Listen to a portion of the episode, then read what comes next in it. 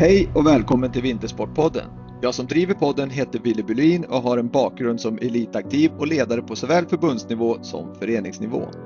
Idag jobbar jag som ledare inom näringslivet där jag inte dagligen jobbar med idrott och då ger mötet mig med poddens gäster en stor energikick.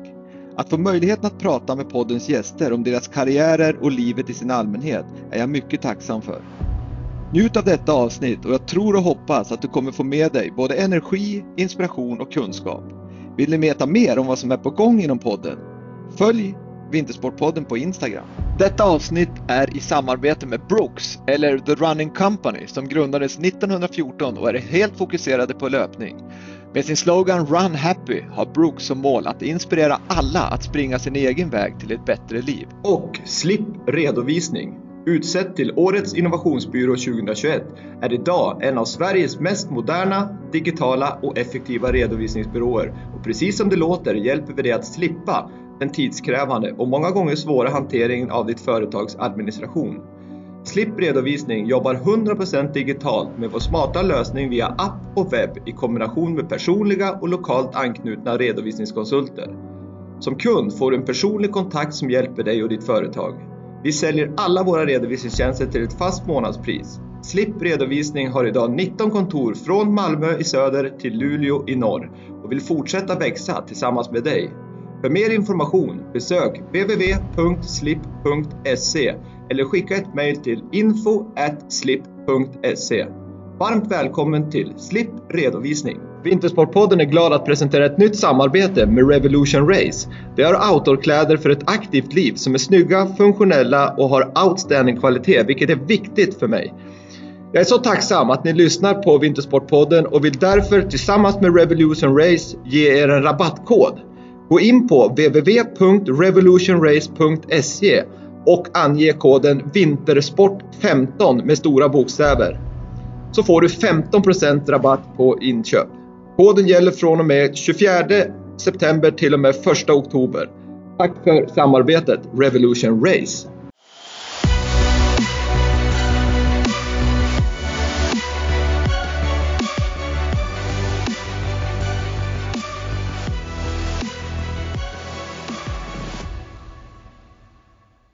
Dagens gäst i Vintersportpodden, världens bästa sjukampare, Carolina Klüft. Varmt välkommen till Vintersportpodden Karo. Tack snälla. Det är att ha en, jag ska säga det är svårt att motivera en, en friidrottare att vara en vinteridrott, men jag brukar säga det att det är kul när man, när man har en egen podd att man får bestämma själv vad som är vad och i det här fallet så förknippar jag dig numera som också är en vinteridrottare, för du bor på en vinterort ska jag säga med väldigt fina vinterförhållanden. Så därför så väljer jag att du får vara med i Vintersportpodden, vilket jag tycker är väldigt kul. Jag har också varit programledare för vinter-OS, så jag tycker ändå att det kanske kvalar in lite också, som att jag har i alla fall inte varit aktiv själv, men åtminstone jobbat ganska nära och träffat Exakt. många vinteridrottare. Så det känns ju kul. Kul att få en... joina. Ja men jätteuppskattat och, och, eh, helt rätt. Du har ju till och med varit programledare där på OS och då, då är du ju helt inkvalad. Så det var bra. Mycket bra. Som jag alltid börjar Vintersportpodden så brukar jag kort presentera gästen och vad den har gjort. I det här fallet med Carolina så kan jag säga att det blir lite värre för att det är en lång karriär och många fina framgångar så att jag ska göra mitt bästa för att göra det här kortfattat. Så lyssna och njut på den här listan, Karo och lyssnarna. Karo föddes 1983 i Sandhult i Borås kommun. Tre syskon med mor och far. Eh, hon är sjukamperska som senare gick över till längdhopp och tresteg. 2012 avslutade hon karriären och sedan dess har hon jobbat som programledare, föreläsare och numera verksamhetschef för Generation Pep. Hon är dessutom utsedd till medicine doktor på Sahlgrenska akademin vid Göteborgs universitet och vid 22 års ålder var hon yngsta någonsin som har tagit fem internationella medaljer. Hon har ett guld på OS, fyra guld på VM, ett VM-brons, två junior-VM-guld, fyra EM-guld, ett EM-brons, två U23 EM-guld, ett junior-EM-guld, 20 SM-guld, 15 SM-silver, 8 SM-brons, deltagit i sex stycken Finnkamper, vunnit Jerringpriset, Bragdguldet, Victoriastipendiet, Konungens medalj, Årets idrottsprestation och Europas bästa friidrottare vid två tillfällen. Det är en grym lista och jag kan säga att det finns mer på den här listan som jag skulle kunna tillföra. Men vad säger du Karo? ja men när man hör det sådär så är det ju eh, då, då, tycker jag ändå att det var en ganska bra lista faktiskt. Att jag ändå har åstadkommit en del. Eh, även om jag eh, inte går och tänker på det varje dag skulle jag inte säga. Utan eh, de här utmärkelserna och priserna och guldmedaljerna och så vidare är ju givetvis något jag är väldigt stolt över. Det ska jag säga. Men också något som är en väldig bonus för det jag brinner för och det jag älskar att göra. Så att jag, jag, är, jag tycker det är, och det är roligt också att få fortsätta sin sin bana efter idrottskarriären. Det kan ju lätt bli tomrum men att jag ändå också har fortsatt arbeta med saker som jag brinner för och tycker är spännande och roligt och också har fått lite eh, ja, men eh, utmärkelse nu senast då som medicindoktor på Sahlgrenska akademin vilket känns som en jättespännande utmärkelse och som jag kanske inte riktigt kunde föreställa mig för eh, ett antal år sedan att jag skulle få. Så det är kul hur, hur livet, eh, vad livet tar en. Ja, verkligen. Alltså, det är ju en otrolig heder att få vara utsedd till hedersdoktor, det måste jag säga. Men, men du var själv inne på det här och vi kan, vi kan avhandla det ämnet ganska fort här att många idrottare har ju faktiskt problem det här med när man ska avsluta karriären så blir det tomrum och man får en identitetskris. Vem är jag? Är jag inte friidrotterskan Carolina Klüft längre utan man hamnar i, i, kanske att man inte har riktigt, man har ingen gnista i livet, man, man har inget att göra och så vidare. Men var det någonting du förberedde dig på? Fick du hjälp med det eller blev det bara naturligt av din drivkraft? Nej, men det var nog lite av allt det där tror jag. Det var, det, det var jobbigt och det var en liten sorg. Eh, sen tyckte inte jag att det var, eh, blev kanske ett tomrum utan det var ganska snabbt så, så hittade jag och drevs jag av att utmana mig på nya sätt. Och även om jag inte kanske sökte den känslan jag hade inom idrotten. För det kände jag nog att det är ingen mening att försöka jaga någonting som jag haft innan utan nu handlar det om att uppleva nya känslor och nya upplevelser och nya, få nya utmaningar att ställas inför. Eh, men, och, och, det gick ändå i slutändan tyckte jag ganska smidigt men jag har full förståelse och respekt för att det kan vara krångligt. Och vi idrottare upplever ju framförallt det här och det gör ju även andra ska jag säga. Det kan ju vara andra som tvingas ifrån det man tycker om av olika anledningar. Eh, man, man kanske går in i väggen och, och får sluta sitt arbete och det är en otrolig liksom, identitetskris och jättetuffa perioder. Så det här upplever ju väldigt många. Men en idrott är väldigt den, är, den har verkligen ett början och ett slut på det sättet. Det är inte som om du är en artist som du kanske kan hålla på nästan hela livet och, och sjunga och spela till exempel utan kroppen orkar ju inte i all oändlighet så att det finns du måste liksom förbereda dig för att det kommer vara ett kapitel i ditt vuxna liv men att det sen påbörja någonting annat. Och det tror jag man kan förbereda sig för eh, på olika sätt eh, genom att försöka se på sig själv utifrån mycket mer än, än, att bara vara idrottare. Utan att det är mer en period i livet snarare. Eh, och jobba med sin självkänsla som vi kanske kommer återkomma till senare. Mm. Men att det är klart att det finns sätt att kanske göra övergången lättare. Men det är väldigt individuellt och, och det, man upplever det så olika. Hur, hur liksom, du, du sa själv att du, du nya utmaningar och kanske nya, nya branscher eller vad man ska säga. Du har ju varit inom friidrotten som aktiv. Men är det ett val det har gjort att du har blivit jobbat med, med, med TV, du har nu investerat i Camp Järvsö och, och, du har gett in i Generation Pep. Eh, har du aldrig liksom tänkt eller fått frågan att bli, ja, men som Kajsa, eh, Kajsa nu då, som, som har blivit förbundskapten inom friidrott, har aldrig det varit på tapeten? men jag kände nog när jag slutade med friidrott så sökte jag mig ifrån idrotten faktiskt. Eh, ganska så tydligt. Jag började plugga direkt efteråt och hade redan en plan för att jag skulle göra det. Och sen så dök den här frågan ganska snabbt om att bli, jobba med, med TV och vara programledare i vinter-OS. Det var inte speciellt långt efter att jag la av. Och då öppnades det ju en dörr egentligen som jag var väldigt osäker i början på om jag skulle ge mig in i men det var liksom för spännande och det var, verkade så utmanande och också som att det här kommer jag ju lära mig jättemycket av. Så det var en väldigt fin möjlighet för mig så därför hoppade jag på det och då ledde det ena till det andra lite grann och sådär och sen och sen har jag helt enkelt, jag, har, jag sitter med i Aktivas kommitté på Sveriges olympiska kommitté så jag har liksom en fot i idrotten. Jag är också mentor till några idrottare och försöker bidra med det jag kan. Eh, och jag gör kanske enstaka eh, inspel ibland när jag kommer kanske pratar inför, inför några och sådär. Men, men eh, det har inte blivit så helt enkelt. Jag har, jag, och jag kan, nu kan jag ju känna ibland sådär, åh, nej men idrott är ju himla roligt och jag jobbade med OS i sommar med TV och, och sen var studioexpert och det är ju väldigt kul med idrott och så. Så det är inte det att jag inte tycker om idrott, jag älskar idrott men jag har bara inte det har varit andra dörrar som öppnats för mig som jag tyckt varit spännande och som, som jag nu verkligen trivs med. Och de, de uppdrag som du nämner är ju liksom för många en dröm att få jobba med TV kanske och ja, men vara lite mentor och, och, och, och sådär. Men, men sen, sen har du ditt, du har ju hedersdoktors jag ska säga uppdraget, men utnämningen som jag mm. misstänker mm. inte, det, det, du har ju inga direkt förpliktelser i det, i den utnämningen. Men, men jag tycker en annan sak som jag, som jag fastnar för som jag tycker är väldigt hedrande om man skulle få vara med i. Du är väl med i styrelsen eller bragdjuryn? Mm. För bragdguldet, alltså utse bragdguldmedaljören. Ja. Och det kanske är bland det finare liksom man skulle kunna vara som icke-idrottare tycker jag. Då, för jag tycker bragdmedaljen är ju någonting väldigt stort. Men, men kan du bara beskriva kort, vad innebär det?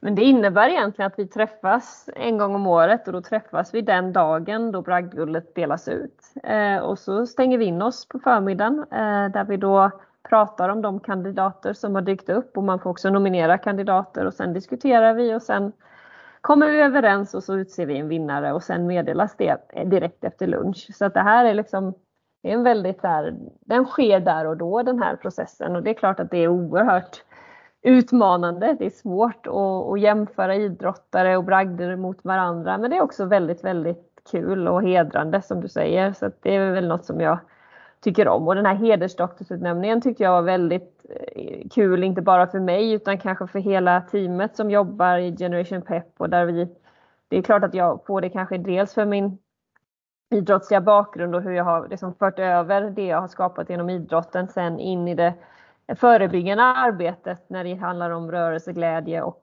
goda matvanor men att man också uppmärksammar det arbetet vi gör och jag har gjort genom att jobba preventivt med de här frågorna kring barn och ungas hälsa och att det också är någonting som också är väldigt hedersamt då att få för, för en, en gärning som inte kanske är personlig på samma sätt för mig eller som, som vi gör tillsammans och som vi gör för samhället. Ehm, det... Nej, för tittar man där så, jag menar utnämnelse som hedersdoktor, du är medlem i bragdjuryn och så får dessutom ett jobb som verksamhetschef som också egentligen utses, nu vet inte jag vem som utser det, men det är ju det är ju på alla fall uppstarten av det här var ju prins Daniel och, och kronprinsessan Victorias eh, initiativ. Ja, initiativ. Det ja. och, och, det är ju också liksom jättehedrande måste det vara liksom. och, och dessutom någonting du brinner för, för jag vet ju att du brinner för rörelse och, och le, leva ett sunt liv. Men hur gick Absolut. det där till då? Jag misstänker att det var ju inte en annons ute i DN som, som du svarade på. Nej, och det var väl också för att när jag började jobba, jobba i Generation Pep så var organisationen precis nystartad. Så jag blev egentligen kontaktad av eh, prins Daniel redan innan organisationen fanns. Där jag liksom fick eh, liksom presenterat för mig vad, vad de ville starta och varför de ville göra det. Eh, och det är ju ett genuint engagemang som kronprinsessparet har för barn och ungas hälsa. Och, ja, men en fråga som ligger väldigt nära mig för att jag själv har upplevt rörelseglädje. Om vi tar bort liksom hela elitidrottsdelen så har ju som fysisk aktivitet, rörelseglädje, få med sig en god hälsa, hur det har påverkat mig både fysiskt och psykiskt liksom, till att må, må bra och hur man också ser att det tyvärr inte ser så, att det ser rätt så många negativa trender kring det här i vårt samhälle för barn och unga och där vi också ser ökade klyftor i samhället. Så. Och jag så har alltid tyckt att samhällsfrågor är väldigt spännande och roligt så att ganska snabbt så, så, kände jag ju att det här är någonting som jag gärna vill engagera mig i. Och sen exakt formen för det, jag har inte varit verksamhetschef från början utan eh, vi, vi, diskuterade väl olika former för hur vi kunde, eh, hur vi kunde hur jag kunde engagera mig i, i den här organisationen som sen grundades av Kronprinsessparet 2016.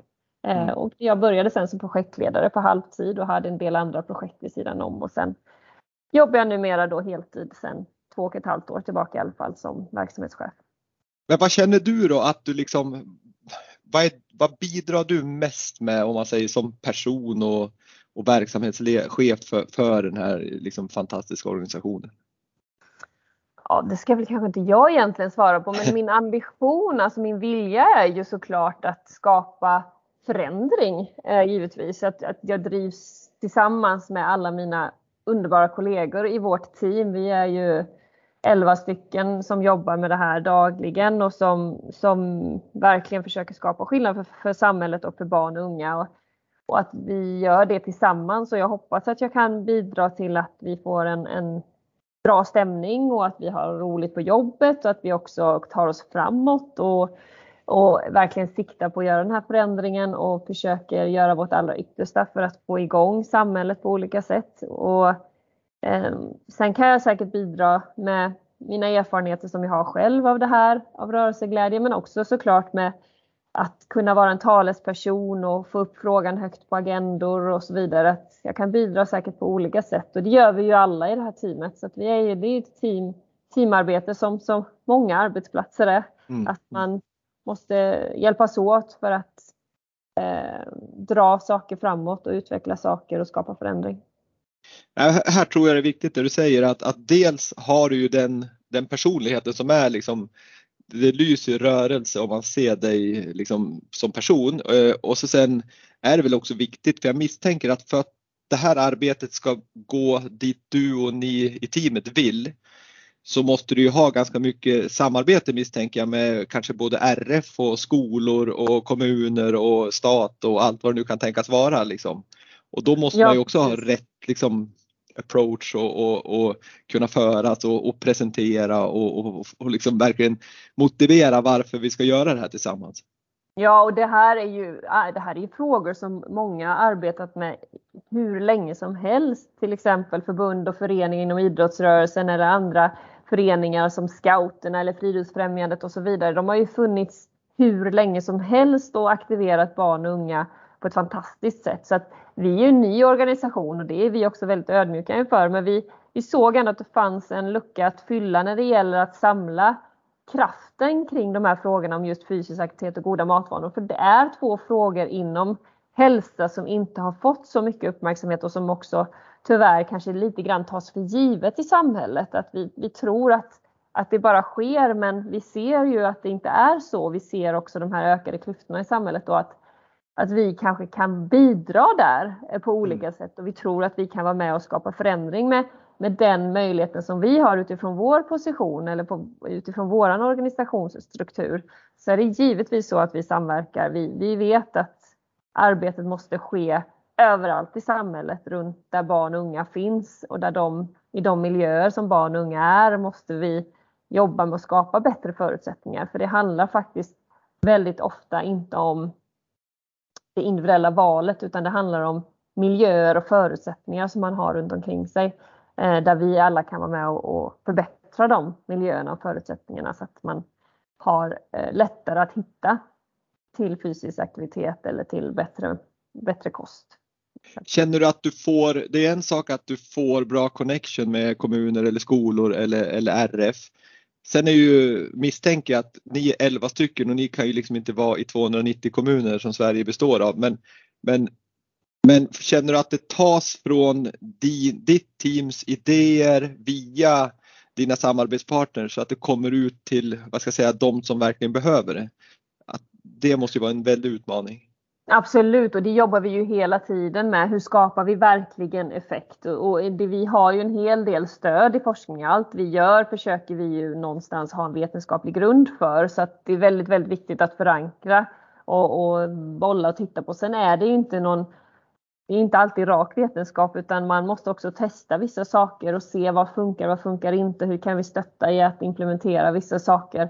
Och där det också finns väldigt många goda exempel där det finns föreningar och skolor och förskolor och kommuner och förbund och alla möjliga som gör jättemånga bra initiativ och som också har tittat på vad det ger för effekt. Där det finns väldigt mycket kunskap att lära sig av och där man kan bidra till kanske att sprida de här goda exemplen så att inte alla sitter på sin egen kammare och känner att man måste uppfinna hjulet igen utan vi kan dela med oss och vi, vi jobbar ju väldigt mycket både på liksom det strukturella planet att skapa liksom, eh, den här frågan, tillför kunskap, eh, får ut kunskapen och också försöker sprida den. Just nu har vi en kampanj som går där vi har en, eh, en tv-reklam på TV4 som som, som pratar om frågan och pratar om problemet för att vi vill få igång engagemang kring det. Så det handlar ju också om att fortsätta visa för människor att det här är en utmaning som vi alla måste ta tag i. Men sen försöker vi också skapa verktyg som stöttar till exempel skolan där vi har ett digitalt stöd för skolan som är kostnadsfritt att använda. Där man kan jobba i handlingsplaner, man kan få konkreta lösningar och exempel som alla kan använda. Eh, utan att vi behöver åka runt till varje skola så kan man hitta det här stödet ifall man är nyfiken på detta och likadant för förskolan eller vi har ett verktyg om man vill introducera mer hälsosam kiosk på sin, sin förening. Hur kan man tänka kring det och vad, hur kan man påbörja det arbetet? Så vi försöker skapa mycket som är skalbart och som kan stötta olika eh, vuxna som, som stöter på barn. Eh, och där vi också vet att det finns andra goda exempel som RF har rörelsesatsningen i skolan till exempel som kan komplettera vårt digitala stöd på väldigt fint sätt. Så att vi, ja, så vi går hand i hand helt enkelt. Ja men det låter ju otroligt bra. Det är ju liksom ja, jag önskar väl verkligen att, att, att ni får ut, eh, vad ska jag säga, ert budskap för det är ju, det är ju ett jätte, jätteviktigt budskap i, i samhället idag som i, i stort och där, där skärmtid ökar. Det vet vi. Ja. Eh, vi och vet vi vet att, framförallt att det konkurrerar väldigt mycket om barns tid. Vi vet att barn som har hög skärmtid har lägre tid fysisk aktivitet. Så att vi vet ja. att det är en ganska tydlig konkurrent om barns tid som gör att man blir mer oftast mer fysiskt inaktiv. Sen kan man ju ha aktiv skärmtid. Man kan använda skärmen många sätt som skapar aktivitet genom inspirerande danser eller ja. uh, gå ut och fota i naturen och då är du fortfarande i rörelse fast du använder skärm. Så vi pratar ju väldigt mycket om den här stillasittande skärmtiden som kanske är man bör begränsa eller åtminstone eh, pausa ifrån lite då och då för att inte hamna i det här långa stillasittande sjoket. Men, men Ja, verkligen. Det är ett jätteproblem och, och, här är vi många som måste bidra, föräldrar inte minst, att vara förebilder just i det här med skärmtid. För det finns ju även föräldrar som hamnar lätt i skärmen. Men, oh ja, vi inte men eh, om, om vi tar, liksom om vi går vidare från det här ämnet men ändå fortsätter i ämnet så, så skulle jag vilja höra din syn på det här med att man att man håller på med fler idrotter som ung, det vill säga att man minskar eller man skjuter på specialiseringen, att man inte gör så tidig specialisering. Hur, hur är din syn på det? Ja, för min egen del så kan man väl säga att jag både gjorde tidig specialisering och inte gjorde tidig, tidig specialisering. För att jag, jag höll på med fotboll och friidrott samtidigt i några år, eh, i ungefär tre år kanske. Men sen tyckte jag att friidrotten var så pass mycket roligare så att jag ville hålla på med bara friidrott. Men samtidigt så, så höll jag ju på med väldigt många olika grenar och det gjorde jag ju väldigt länge så jag specialiserade mig väl, väl aldrig, ja, väldigt sent då när jag 2008? ja precis innan jag satte på en gren. Så att jag har ju inte specialiserat mig på det sättet men jag, där tror jag att det är väldigt individuellt såklart. Det, man kanske tycker att en idrott är, är det roligaste man vet och då är det bättre att hålla på med den än att inte göra någonting alls. Och så. Men sen är det ju, vill man hålla på med flera idrotter så ska man bli uppmuntrad till att göra det och det kräver ju att vi har ett system, både kanske ett ekonomiskt stöttningssystem ifrån RF som stöttar det att inte man som förening vill, vill att det blir konkurrens, att man vill hålla så mycket i sin aktiv och det kanske är ett problem lite idag eftersom man får stöd efter antal eh, timmar, aktivitetstimmar och så vidare och antal personer på träningen. Och det där är ju en utmaning tror jag att att få fler att känna att man kan hålla på med fler om man vill det. Att man kan hålla på så mycket och att det också kräver en viss prestigelöshet mellan ledare från olika idrotter. Att man kanske då behöver prata med varandra för vissa aktiva som inte behöver dubbelträna då utan ja, har man ett fyspass med fotbollen så kanske man inte behöver ha det med ishockeyträningen som är på sommaren när man har fysträning utan då kanske fotbollen ersätter det. Och så måste man ha en dialog med varandra och det där vet jag erfarenhet. Min, min man är ju gammal ishockeytränare och att det där är, kan vara lite klurigt ibland.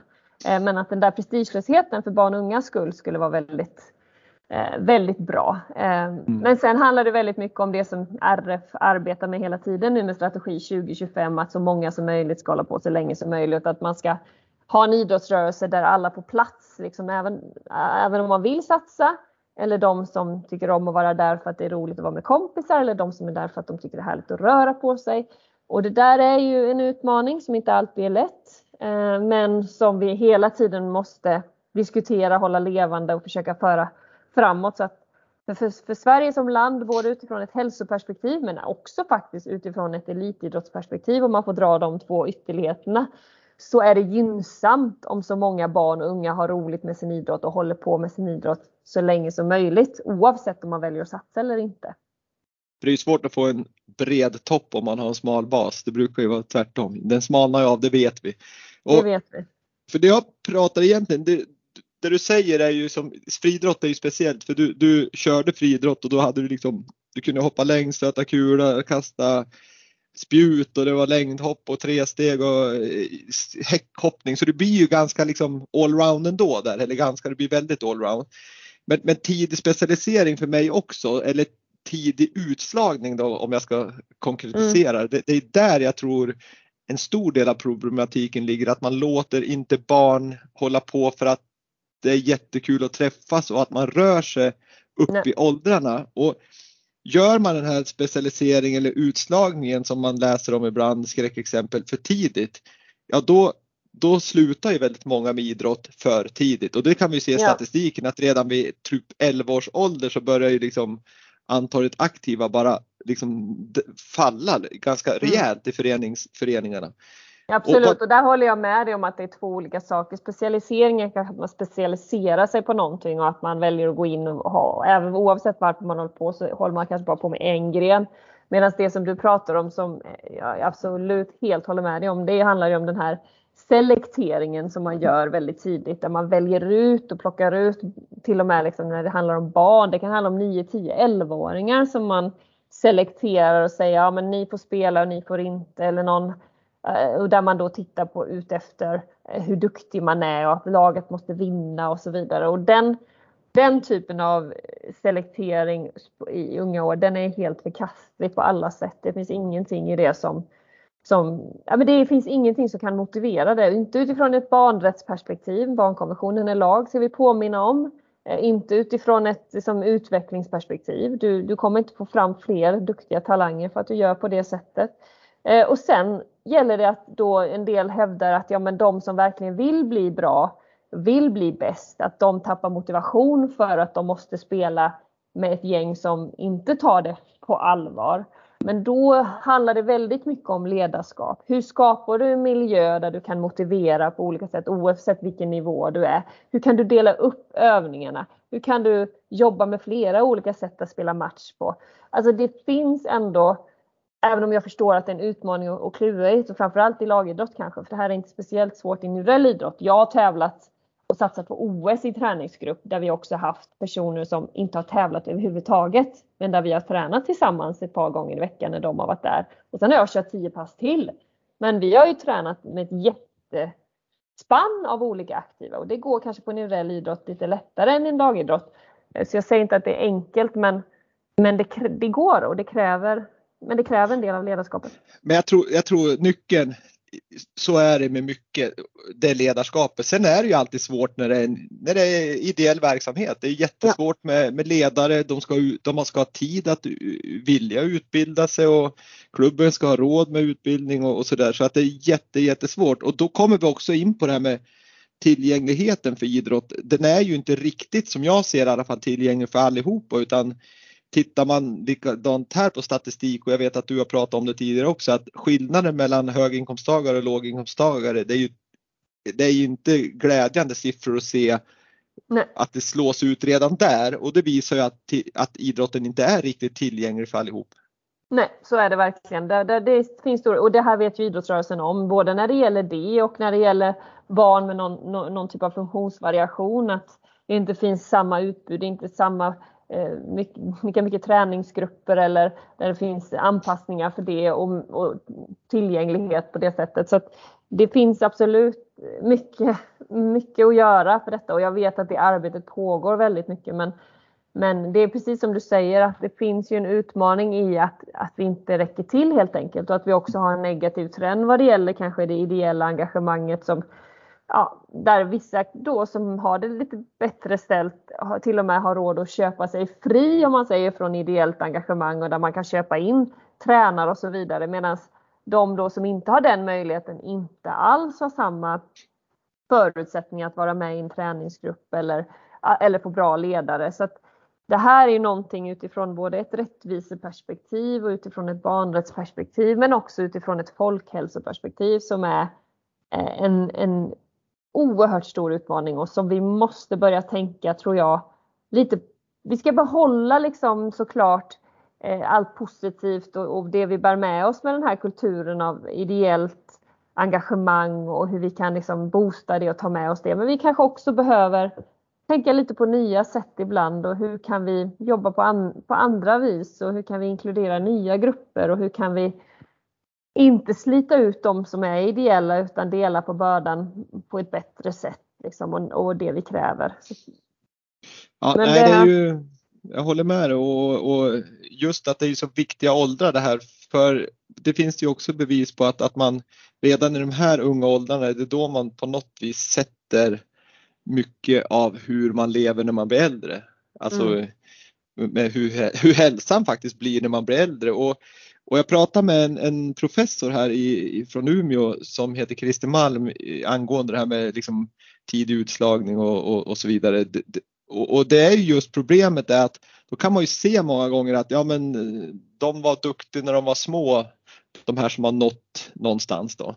Men, men grejen är att många gånger så, så har de ju de här som inte var så duktiga när de var små, de har ju redan slutat för att de blev utslagen. Och mm. vem vet, liksom, det kanske var de som var godbitarna egentligen.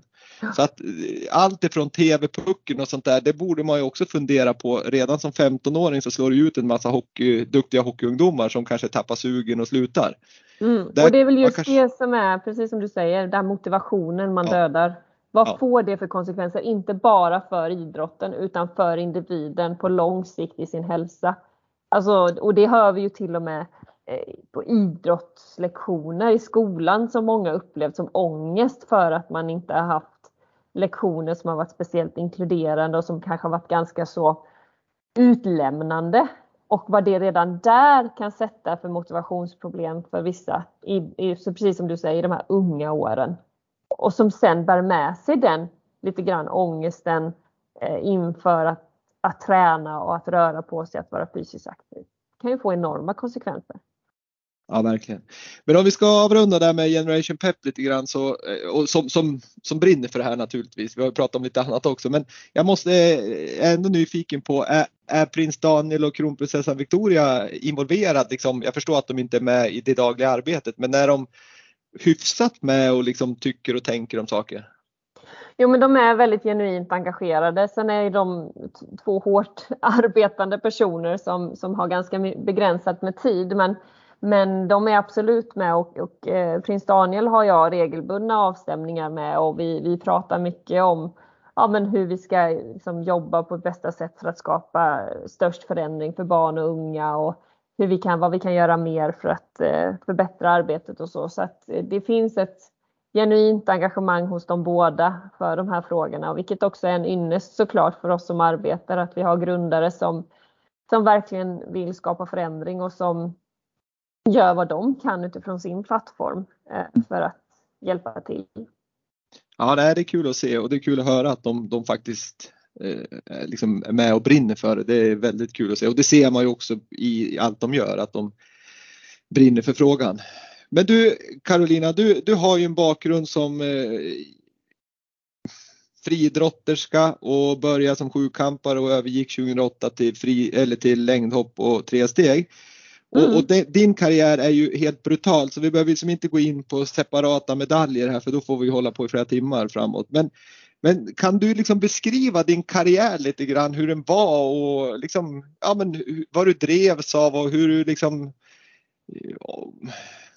ja, men hur det påverkar. Hade du stora uppoffringar i livet genom karriären? Att du, du kunde liksom inte göra någonting annat för att du var så mm. inne i bomben, inne i det du höll på med? Eh, ja men alltså idrotten för mig har ju tagit en väldigt stor plats i mitt liv från att jag var, ja men säg 15-16 år upp till att jag slutade då när jag var 29. Så att det, det har ju varit en väldigt stor del av mitt liv också någonting som jag har vill jag säga, i stort sett satt eh, längst fram och, och eh, prioriterat väldigt mycket. Eh, och det har också inneburit att jag har fått välja bort en del andra saker. Till exempel har jag inte kunnat utbilda mig helt och hållet så som jag kanske hade gjort om jag hade haft mer tid. Jag har inte varit lika liksom, social eller varit på fester eller varit ute och rest och sett världen på det sättet som andra kanske gör. Jag har ju sett världen typ utifrån tävlingsarenor och det är jag så tacksam över. Men inte, inte på det sätt som man kanske ser, såg andra göra i min ålder. Jag har inte haft samma kanske frihet om man ska kalla det för det, att, att kunna välja lite vad jag vill och så, utan jag har ju varit ganska så fokuserad på skolan när jag gick på gymnasiet och, och den biten och sen Eh, idrotten. Eh, och så har jag valt ut vissa tillfällen när jag har tyckt att jag har utrymme för eh, det där lilla andra och sen har jag varit väldigt mån om att kunna koppla bort idrotten. Så jag har också som, jag har prioriterat tid med mina vänner. Men det kanske inte har varit att gå ut och, vara, och festa, vara ute halva natten. Nej, utan det har varit att hänga på ett mysigt sätt och samla energi och, och umgås och tänka bort idrotten. Men att ändå ha kraft och ork för att träna dagen efter. Så, så att det, det är klart att jag har valt bort en hel sak men jag tänker inte att jag har offrat något. Det vill jag inte säga. Jag, jag, jag förstår, alltså för mig och jag tror att det är många, bra många förstår det att vi måste göra val i livet och vi måste göra prioriteringar i livet. Det finns mycket man vill göra men allt har sin tid och man kan inte göra allt på en gång. Och, och har man valt att hoppa på en utbildning eller att hålla på med sin idrott och man vill satsa på den, då kanske man måste välja bort vissa saker under den tiden. Sen kan saker och ting komma tillbaka senare i livet eh, och, och, om man vill mitt liv och min idrottskarriär har, har, varit, jag har verkligen haft så kul och jag har njutit av att, att vara eh, och få tävla och, och får jag också tagit vara på mycket lärdomar om både mig själv och, och de upplevelser jag haft och de motgångar jag stött på har ju också gett mig väldigt mycket insikter och lärdomar och verktyg som jag kan ha i mitt, mitt andra liv så att säga. Ja, men vi ska komma in lite grann på, på det sen. Jag ska bara innan vi går in på det så vill jag bara fråga liksom att normalt sett håller man ju på, eller normalt sett, men många håller på med 100 meter eller längd eller stavhopp eller kula eller diskus eller vad det nu är. Du eller hade sju, ja, eller sjukamp. Ja, eh, ja, men jag kom in på det. Du hade sju grenar som du skulle liksom för det första träna till och det, det, det, går ju emot varandra lite för tittar man hur kropparna är utformad på en som springer 1500 meter eller en som stöter kula kanske ytterligheter, men det skiljer sig ganska hårt åt. Och, och mm. även i muskelsammansättning och, och liksom storlek på muskler och så vidare. Det är en sak, hur, hur, man, hur du tränar då liksom. Den andra saken det är ju tekniken som skiljer sig, alltså det är ju att träna sju grenar. Hur, kan du bara beskriva hur gick träningen till och liksom Ja, men först, det första ska jag säga då, då, då, är jag lite, kanske lite, säga emot dig då, men jag, jag är, var varken kulstötare eller 1500 meters löpare. Jag var sjukkampare och det är en gren med mm. sju discipliner.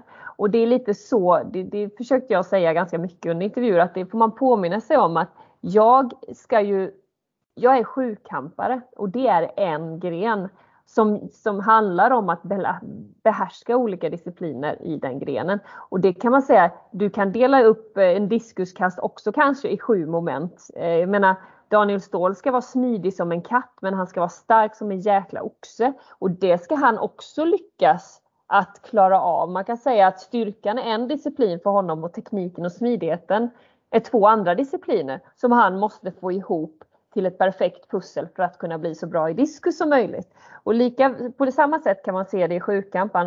Att jag var ju tvungen att träna, som du sa, sju olika discipliner, eller grenar då eftersom de även finns som individuella friidrottsgrenar, givetvis.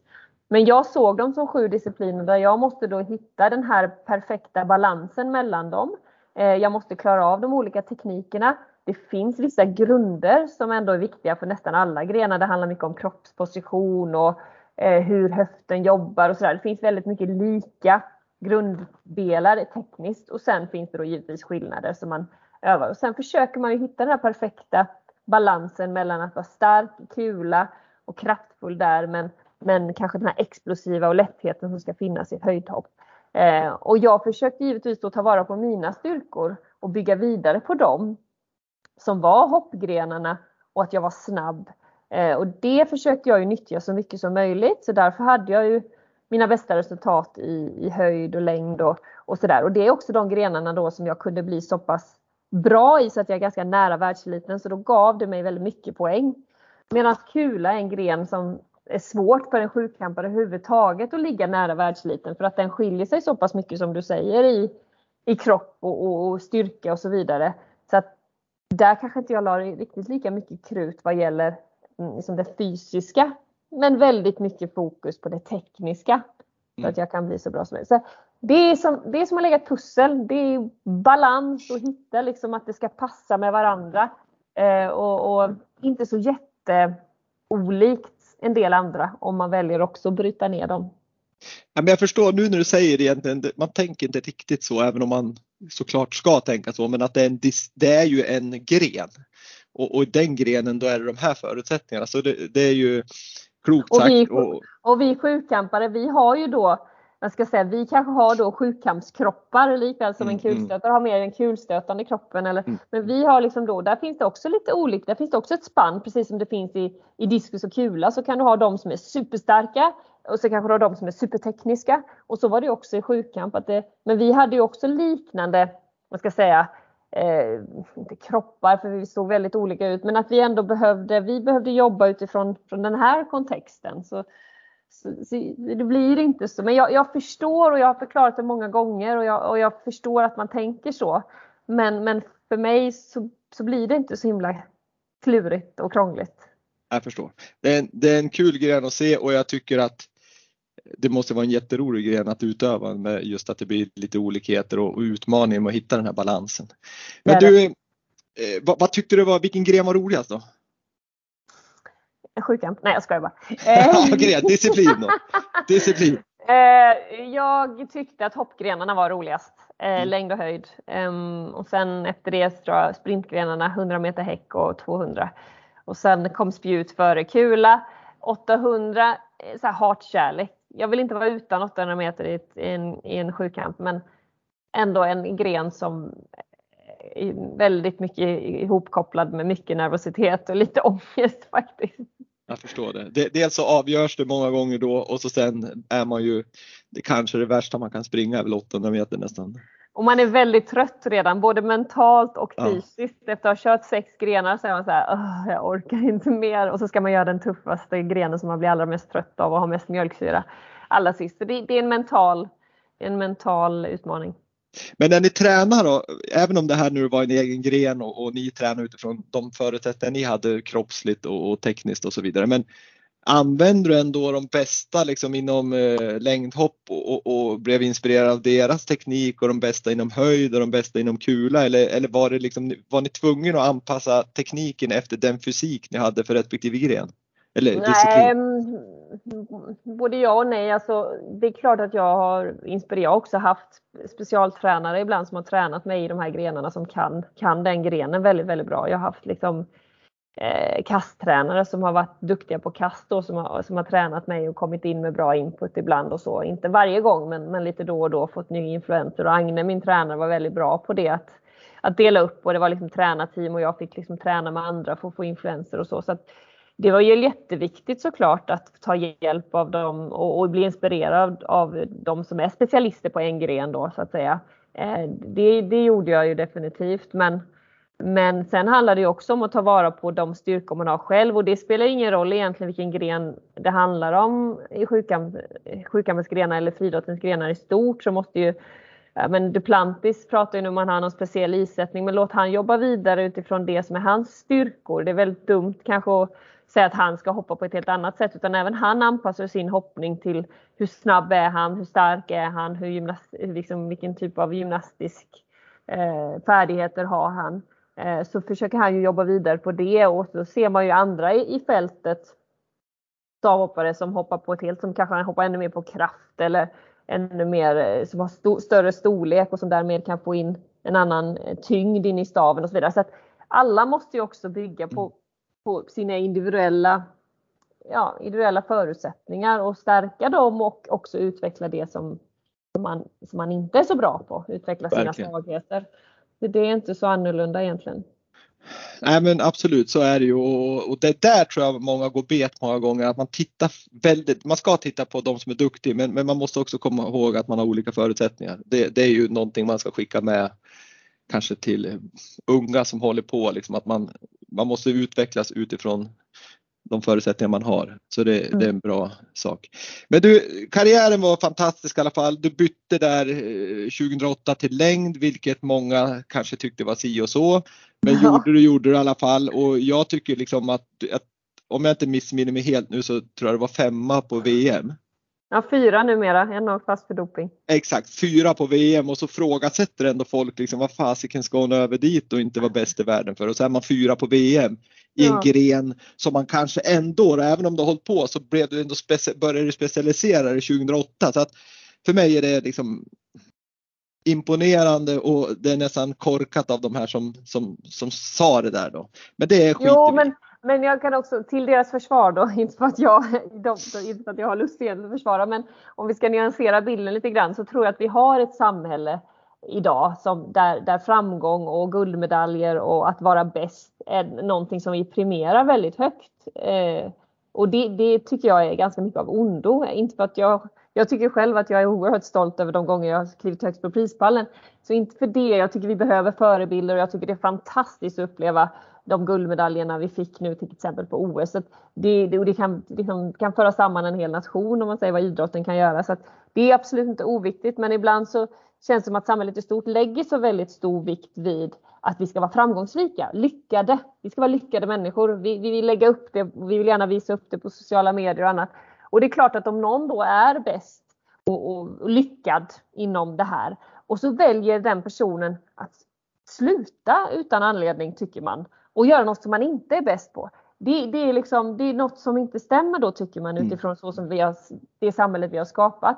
Eh, det är ungefär som om en professor helt plötsligt säger nej vet du vad, jag, nu vill jag gå in och bara vara lärare eller liksom, jag vill liksom, lära ut min kunskap istället för att mm. hålla på och forska vidare på detta och sådär. Då kanske det, folk också säger men va? Du, du har ju kommit hit, ska du gå tillbaka? Så att det finns den här yttringen i samhället, att bli mer och mer framgångsrik och därför tror jag att många kan reagera på det sättet.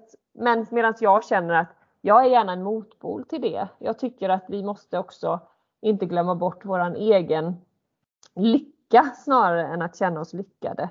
Och att då kanske det innebär att man ibland måste ta obekväma beslut för att eh, och med obekväma menar jag obekvämt för andra men som för mig känns helt naturligt och spännande och roligt. Och då får man ha respekt för att alla inte förstår det. Men däremot skulle jag, hade jag uppskattat om jag fick större respekt för mitt beslut än vad jag fick. Men jag förstår och, och, att inte alla och jag respekterar att inte alla förstår det. Man måste inte förstå. Man kan bara, behöva, man kan bara respektera det. Man måste inte förstå. Du behöver inte, du behöver inte göra likadant som jag. Så är det. Så är det. Eh, men, eh, men för det första så skulle jag vilja ha definitionen på vad lyckad är. Ja. Och, och, och, och vad framgångsrik är. För den definitionen är nog ganska svår den egentligen så. Eh, för den är nog olika. Om du frågar tio så får du nog tio olika svar. Men, men, men den podden kan vi ta någon annan gång Karo. Men, mm -hmm. men eh, vi, vi, glider ju direkt över på det du pratar om här när du, när du gjorde ditt val och, och och många kanske inte vågar göra ett val på grund av att man känner att andra tycker att man borde göra någonting helt annorlunda. Mm. Men vi kommer in på självkänsla för där har ju du pratat lite grann om intervjuer och, och i ditt sommarprat också liksom om, om din självkänsla och hur den var. Kan du berätta lite grann om det?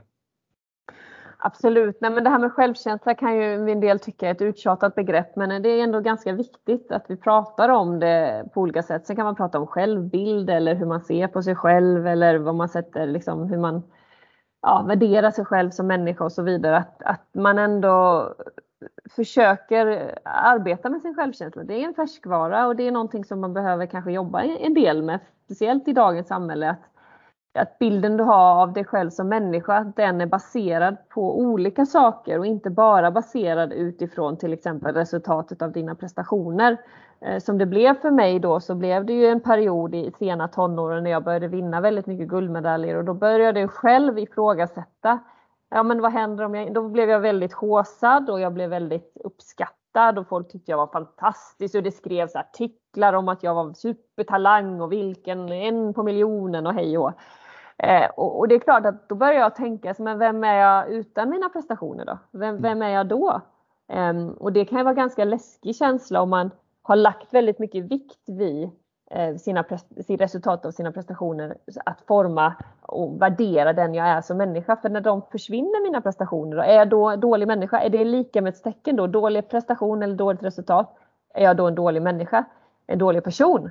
Och det är det här vi pratade om detta under OS också, det här att klara av att skilja mellan person och prestation. Mm. Det kan man inte göra helt och hållet. Det kommer ju alltid spegla lite grann, men man måste lägga, man måste ha fler korgar i vad man plockar som, som, som formar ens självkänsla om man får ge det, det, den typen av metafor. Att om du bara plockar ur korgen som handlar om dina resultat och dina prestationer.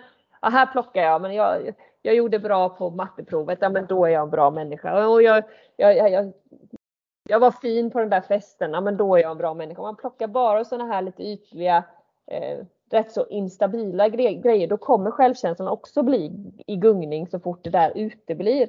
Men man får nog plocka liksom från de här andra boxarna som handlar också om, ja men hur, hur, är jag mot andra människor och vad är mina värderingar? Vad tror jag på? Hur vill jag handla i olika situationer? Eh, att, att man plockar även därifrån när man bygger sig själv som, eh, som människa. För att då, då gungar det inte lika mycket när den här korgen eh, där det är en massa resultat, när den uteblir. För den uteblir ibland, för oss mm. alla. Mm. Eh, och det, det här är lite klurigt och det kan vara ganska klurigt när man håller på med idrott när så väldigt mycket handlar om resultat och medaljer och prestationer och placeringar. Eh, att, att inte gå vilse där. Um, och det jobbade jag ganska hårt med att, in, att försöka hitta en en strategi för.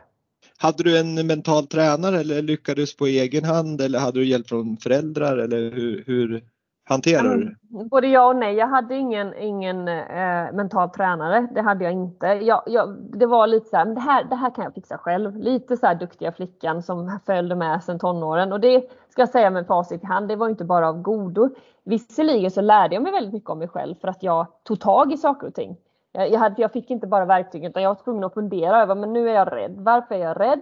Jo, för att jag är rädd vad folk ska tycka om mig. Varför är jag rädd vad folk tycker om mig? Jo, därför att jag tror att jag måste lyckas. Varför tror du att du måste lyckas? Alltså, och så försökte jag, men hur ska jag hantera det? Ja, men då måste jag ju känna att nej, men det gör inget om jag inte lyckas, för jag är lika bra ändå.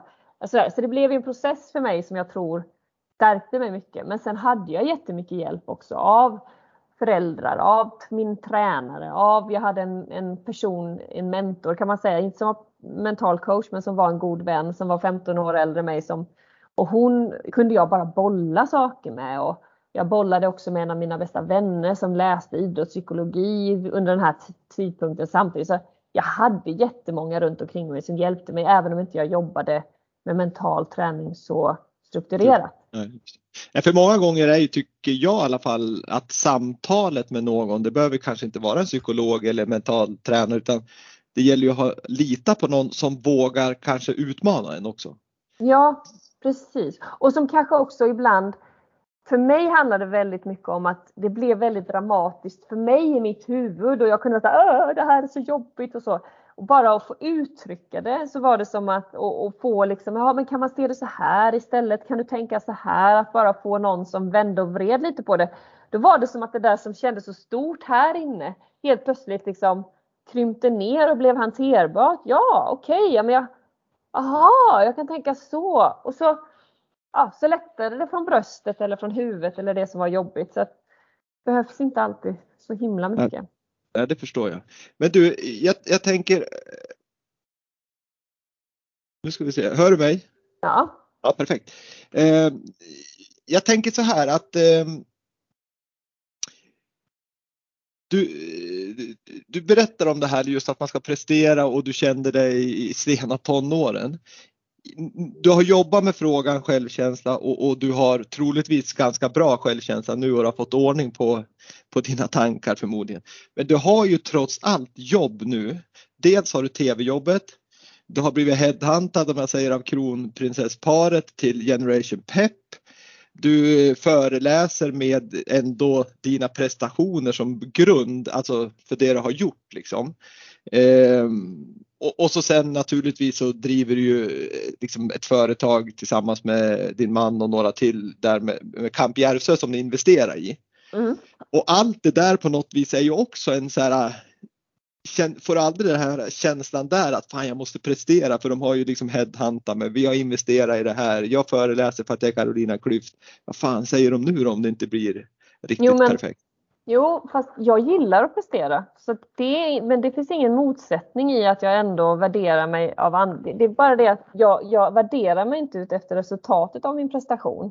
Men jag älskar att prestera. Jag tycker det är skitkul att, och försöka göra mitt bästa och gå in och förbereda mig för en föreläsning och liksom försöka göra den så bra jag kan. Och det är ju en del av liksom att utvecklas som människa, att, att också utmana sig själv.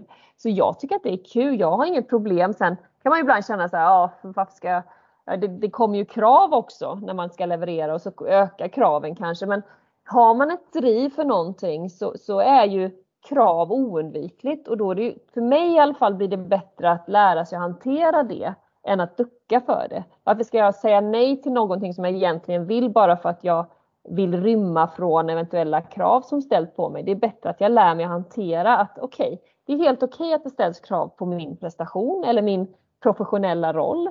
Men skulle jag misslyckas med de kraven som ställs på mig, då faller jag inte som ett korthus. Jag står också väl förankrad i den jag är. Jag menar mm. allt det du rabblar upp har jag, men jag har också en familj som älskar mig. Jag, jag har snoriga barn som jag får ta hand om.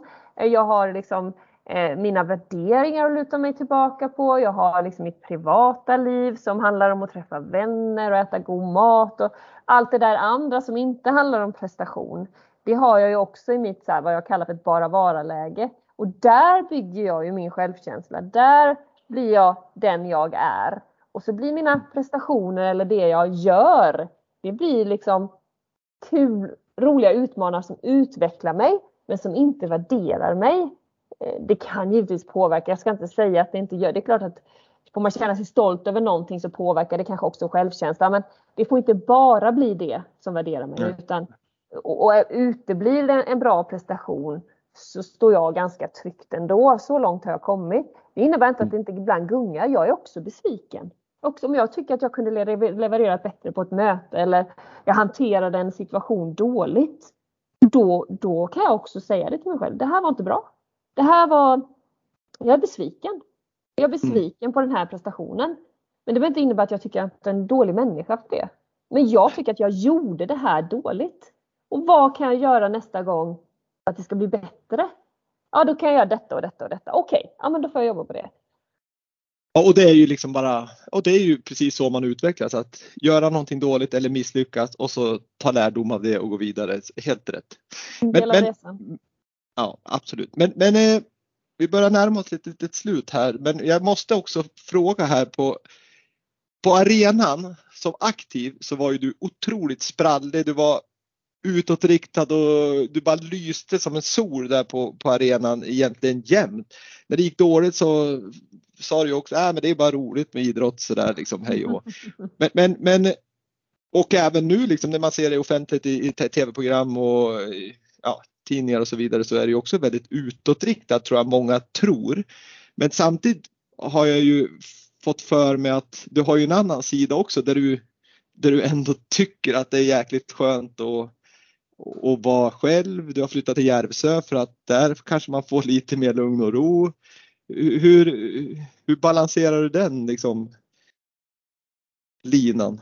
Jo, men jag har nog alltid levt ett sånt liv. När, även när jag var liten så, så var jag ju ute mycket med kompisar och jag var, var mycket i rörelse och vi, vi lekte ute på byn och sådär. Men jag kunde också hamna ensam på mitt rum i flera timmar och, och greja med någonting för mig själv.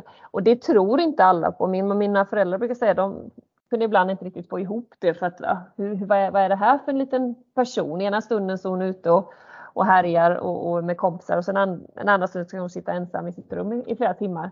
Eh, och det är nog så jag funkar. Alltså jag är sån som person. Egentligen i grunden tror jag att jag är lite introvert och det betyder inte att jag inte har sociala förmågor kanske eller att jag, att jag inte gillar att vara social men jag, jag, behöver tid för mig själv för att fylla på batteriet. Det är inte alltid så att sociala sammanhang ger mig energi. Det, för en del andra mer extroverta personer så kan ju sociala sammanhang, det fyller på energi hela tiden. Men, men möten och sociala sammanhang, det kan också ta energi från mig. Och då måste jag liksom få lite tid för dem med de allra närmaste eller till och med för mig själv om det är möjligt. För att ladda batterierna. Eh, och få tänka till punkt och liksom vara i mina tankar och skriva eller vad det nu handlar om. Eh, eller lyssna på musik eller vad det kan vara. Eller träna för den delen nu för tiden. Det är ju verkligen liksom min min egen tid. Så det är så jag balanserade och då, då har jag energi för det här liksom extroverta livet som jag ändå lever där det är väldigt socialt där jag kan vara igenkänd i vilket privat sammanhang som helst om jag är ute bland folk eh, och får alltid vara redo att vara Carolina Klüft. Men det kan jag balansera med att jag har min hemmasfär eller ibland känna att jag kan få vara i fred. Ja, jag, jag, förstår ju liksom när du, när du var aktiv så, när du var på arenan, då var du på arenan liksom in, liksom in the zone där och klädde du på dig en roll då eller bara blev det, då är du där och då var det liksom den energiknippet som du var?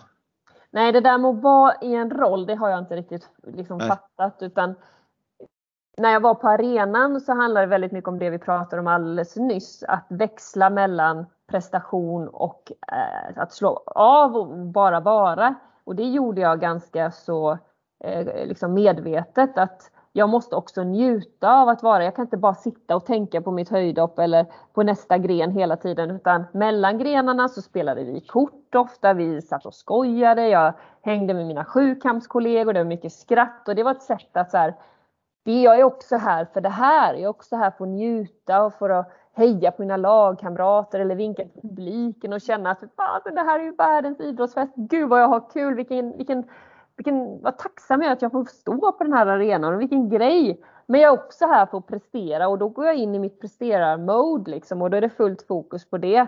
Så den växlingen som jag gör där är egentligen samma sak som jag gör i mitt liv. Eh, men, men jag hade ju tider också där jag behövde vara i fred till exempel under en sjukkamp. Där jag liksom gick in och, och laddade batterierna kanske eh, med, med, tystnad och med lugn och ro. Eh, kunde sitta på bussen och bara stirra ut genom fönstret efter första dagen och bara liksom, låta tankarna landa. Mm. Jag har nog haft de här sidorna hela tiden men, men de sidorna man ser utåt och så är det ju fortfarande idag Folk ser mig när jag sitter och pratar i TV eller jag blir intervjuad eller jag ska vara med i en paneldiskussion. Ni ser ju mig oftast i det läget när jag är eh, i min profession där jag också är mm. väldigt liksom, van att, att, att prata och att liksom, fokusera och prestera. Men sen kanske man inte lika ofta ser, i alla fall inte de utifrån sett, min, de som känner mig privat vet ju detta mycket väl att jag liksom går in i, in, kanske ibland i ett annat mode och behöver lugn och ro och ja, kan behöva liksom landa lite och så. Men det, det är sällan det filmas. Men det måste vara skönt ändå att hitta den där liksom balans och, och, verkligen känna att ja, men nu behöver jag ha egen tid eller jag behöver vara, bara vara med mina närmsta och det ger energi. Det, det måste ju ändå vara skönt att ha kommit dit.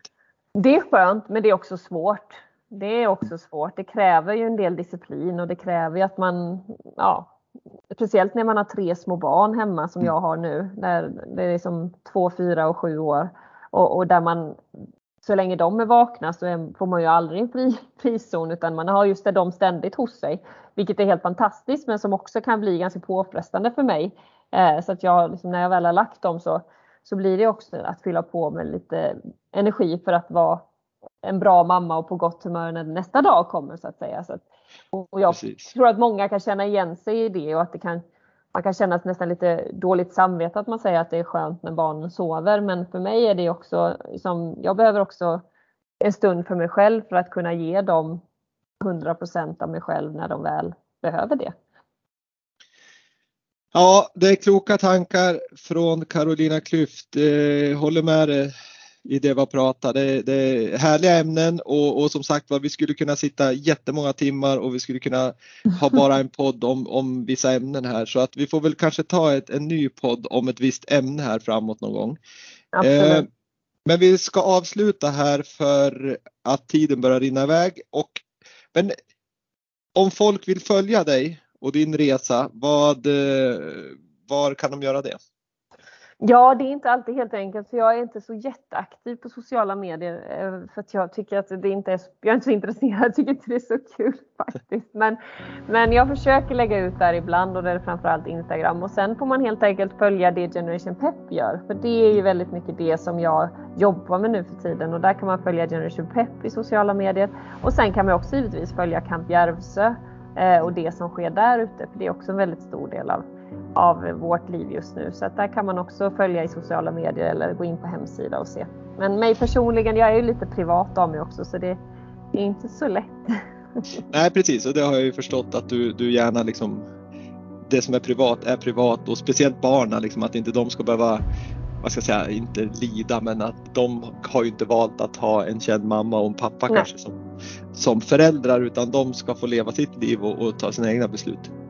Så det, det, tycker jag du gör helt rätt i Karo. Men vad bra, då, då vet ni vart ni ska följa henne och bara som ett avslut där så när hon säger Kamp Järvsö så är det faktiskt en ny tränings, motions, bara vara och härligt anläggning utanför Järvsö som du och några, eller du och din man och några till är, har investerat i och som, som är ett väldigt trevligt ställe att vara på. Så det, ni har olika teman. Det är allt från yoga, löpning, vandring, cykling, hej och. Så att uh, gå in på hemsidan, det rekommenderar jag för att se vad de har att erbjuda.